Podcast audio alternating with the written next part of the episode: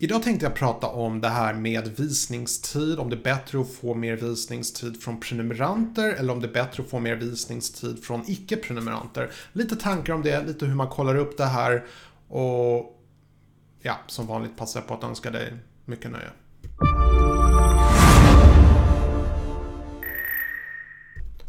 Hej och välkomna till min kanal. Mitt namn är Tommy och jag hjälper dig att bemästra social media idag. Så lite kort om mig själv. Jag jobbar som konsult, jag hjälper små och stora företag. Jag har en akademisk bakgrund inom marknadsföring och jag älskar allting som har att göra med YouTube. Om du är ny prenumerant, glöm inte att göra hashtag nyprenumerant så jag kan välkomna dig ordentligt. Så dagens video handlar om hur man kollar det här med eh, visningstid. Så vi kollar fram på skärmen här. Och hur man gör är att man kollar först, man är inne i Analytics. Och sen det enda du gör är att du klickar först på Analytics. Och sen går du ner till någonting som heter visningstid. Och när du är inne på visningstid så kan du ställa in lite olika saker eh, som geografi, datum och så vidare. Så trycker du på mer-knappen och så skriv, trycker du på prenumerationsstatus. Du kan se det här från YouTube Studio-appen också. Eh, mycket enklare att se det i YouTube-appen faktiskt. Så som du ser här Eh, den här kollar nu de senaste 28 dagarna, den senaste månaden.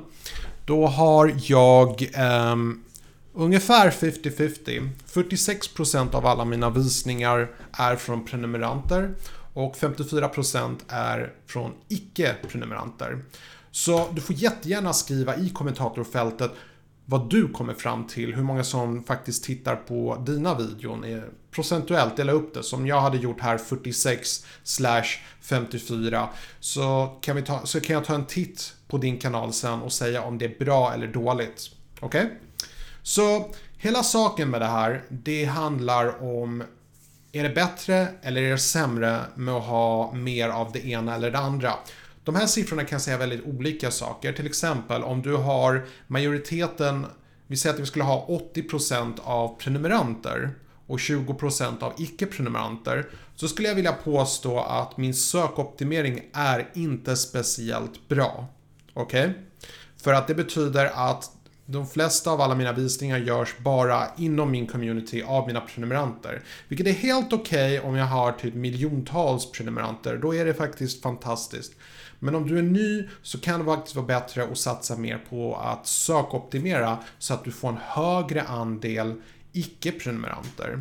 Så det är mitt tips. Jag tror att man ska ligga ungefär 50-50, ungefär som jag ligger. Jag säger inte alls att det är helt fantastiskt det jag har. Jag bara säger att det kan vara en bra idé att man har 50-50. Så varför säger jag inte att ja, det är bättre att ha 80% icke-prenumeranter och bara 20% prenumeranter?